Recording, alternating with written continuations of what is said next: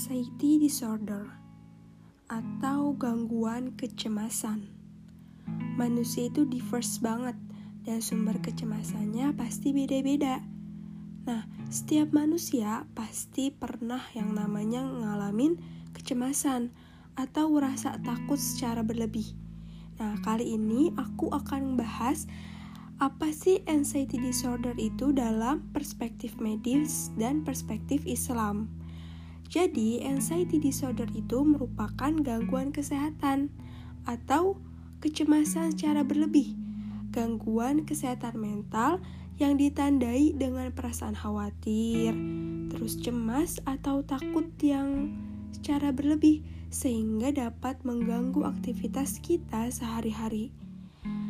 Nah, kalau eh, kalian ngerasa ngalamin anxiety disorder ini, ada beberapa jenis loh dalam anxiety disorder ini, antara lain yang pertama, gangguan cemas secara menyeluruh atau generalized anxiety disorder yang disingkat dengan GAD. Apa sih gangguan cemas secara menyeluruh itu? Jadi, cemas dalam jangka waktu yang panjang dan tidak tergantung pada situasi maupun objek tertentu. Nah, si penderita ini juga uh, dapat menyebabkan insomnia atau gak bisa tidur gitu saat malam hari susah gitu dia tidurnya. Yang kedua ada gangguan panik atau panic disorder. Rasa panik disertai gejala sulit bernafas dan jantung berdebar-debar. Kalian pernah gak sih ngerasain kayak deg-degan gitu, panik ketika kalian melakukan kesalahan atau panik ketika uh, kalian itu akan melakukan hal tertentu gitu. Nah, ini juga termasuk dalam anxiety disorder. Yang ketiga ada gangguan obsesif kompulsif atau pikiran dan perilaku yang dilakukan berulang-ulang kali sehingga menyebabkan kalian itu merasa cemas secara berlebih. Yang keempat juga ada gangguan stres pasca trauma. Buat kalian yang pernah ngerasa trauma atau ngerasa uh, memiliki pengalaman yang bersifat traumatis, ini juga termasuk ke dalam anxiety disorder, yaitu rasa cemas akibat pengalaman yang bersifat traumatis. Yang kelima ada kelakuan ketakut, sorry, yang kelima ada ketakutan secara spesifik atau fobia spesifik. Nah, takut terhadap situasi atau objek tertentu. Jadi misalkan kalian itu takut terhadap ketinggian atau fobia dengan kucing. Nah, ini juga termasuk dalam anxiety disorder. Kalau kalian ngerasa mengalami anxiety disorder, terus gimana sih cara kita buat mencegah atau cara kita mengatasi anxiety disorder ini? Dalam perspektif medis, cara mengatasi anxiety disorder ini ada beberapa hal. Yang pertama, hindari minum kopi dan minum minuman yang bersoda serta rokok. Yang kedua, perbanyaklah kegiatan yang berbaur positif. Yang ketiga, atur nafas. Ketika kalian merasa deg-degan atau tadi gangguan panik atau panik disorder, maka atur nafas kalian dan uh, sehingga dapat meredakan rasa deg-degan tersebut. Yang keempat ada gali potensi diri. Cari tahu apa potensi diri kalian. Yang kelima ada dukungan dari lingkungan sekitar. Dan ketika kalian merasa anxiety disorder ini sudah akut dan benar-benar ngerasa gak bisa dan gak tahu lagi gitu cara ngatasinnya gimana, kalian bisa berobat ke psikologi atau uh, psikiater dan mengkonsumsi obat-obatan.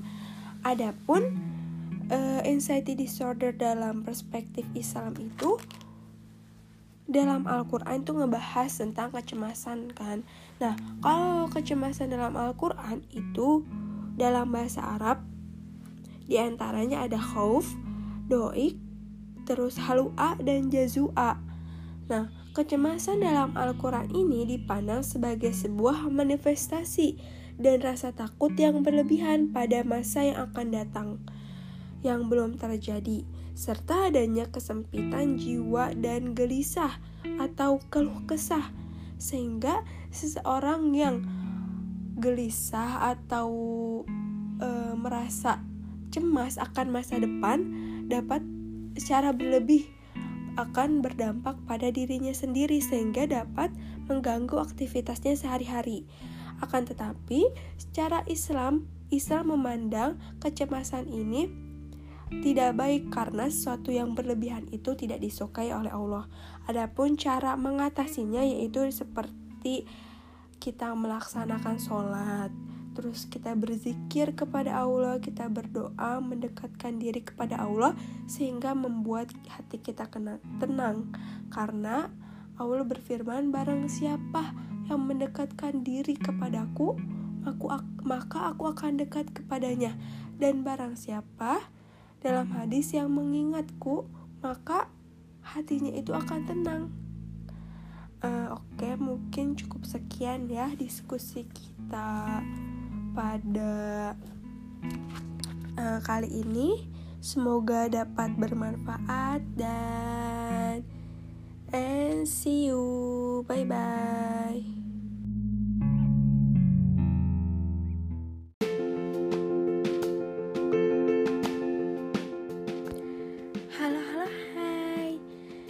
Special podcast edition kali ini aku akan mengangkat tema tentang mengguncang dunia melalui podcast. Hmm, bicara soal tema, tentunya tema ini sangat relevan banget dong dengan pemuda, ya enggak sih? Pemuda. Kalau dengar kata pemuda, hal pertama apa sih yang ada di pikiran kalian? Apa coba ayo? Hah? Pemuda adalah penerus bangsa. Betul Terus, pemuda adalah the agent of change. Betul. Pemuda adalah aset sebuah bangsa. Ya, betul sekali. Semuanya betul.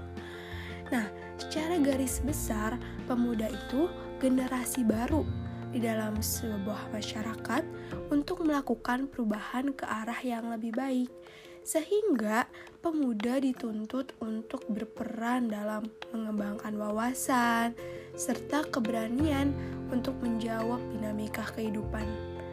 Wah, berat banget gak sih peran kita sebagai pemuda? Nah, penting bagi kita sebagai pemuda untuk memiliki serangkaian skill, keterampilan, atau kemampuan untuk bisa menyesuaikan diri kita di tengah dunia yang terus bergerak dan terus berubah. Pentingnya punya kepercayaan diri, terus percaya pada kemampuan diri sendiri, dan kepercayaan itu nggak ada yang instan. Kepercayaan itu harus kita pupuk dengan cara menginvestasikan waktu kita, waktu pengetahuan kita untuk berlatih menyiapkan diri, mencari kesempatan, dan membuka peluang. Karena apa? Karena di tangan pemudalah segala hal yang muskil dapat menjadi real. Pemuda merupakan antitesis segala hal yang mustahil. Pemuda merupakan sepucuk surat bagi masa depan. Bagi masa depan dapat mengubah sebuah asa menjadi sebuah harapan. Jadi uh, kalau dipikir-pikir berat sih peran pemuda tapi jangan dipikirin tapi dijalanin nah buat kalian yang bingung gimana sih cara kita buat nemuin skill kita gitu passion kita apa nah di sini aku mau ngasih tips gimana caranya kalian bisa nemuin passion kalian atau skill kalian itu apa yang pertama ada elaborasi rasa iri yang muncul. Hah? Rasa iri? Kalau denger rasa iri itu pasti bawaannya negatif gak sih? Tapi rasa iri yang muncul pada diri seorang itu gak selamanya loh negatif. Nah, perasaan ini bisa dimanfaatkan oleh kalian sebagai motivasi atau salah satu cara kalian dalam menemukan passion kalian kamu dapat mengolaborasikannya secara tepat.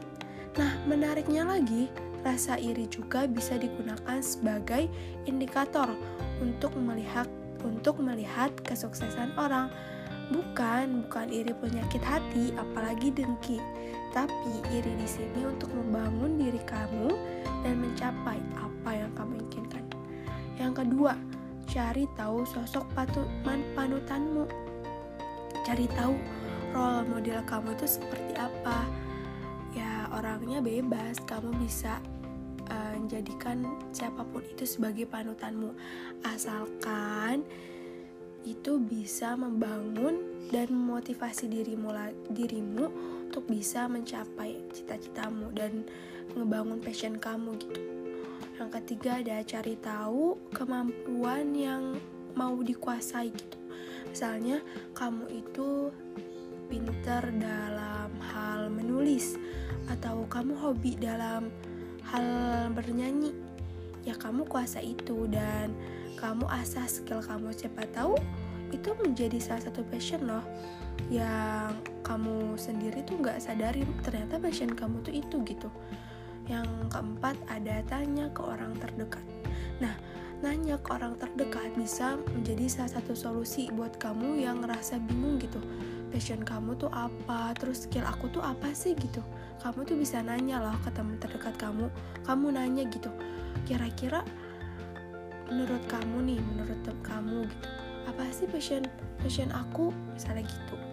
Dan yang terakhir last but not least you wanna brave to try it.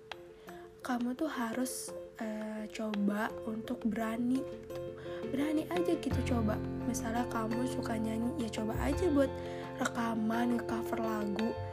Ya kalau misalnya kamu gak nyoba ya kamu gak bakal tahu seberapa persen gitu kamu ahli dalam bidang tersebut. Sekian ya bincang-bincang kali ini. Semoga dapat bisa menginspirasi dan semoga bisa membantu. Oke okay, see you on my next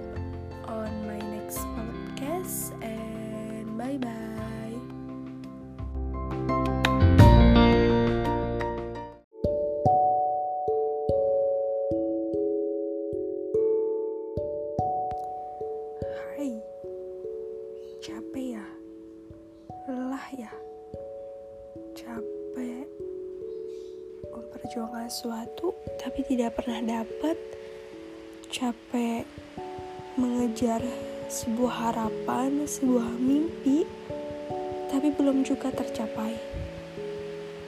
Tapi tetap semangat ya. Aku yakin masih banyak kesedihan dan kegagalan yang akan kamu lalui esok. Tapi Aku lebih yakin bahwa kamu punya kekuatan untuk menghadapi itu semua. Jangan takut untuk bermimpi. Jangan pernah takut untuk bertindak. Kekuatanmu adalah bukti dari kegagalan yang sesungguhnya. Kegagalan yang tidak pernah seharusnya terjadi.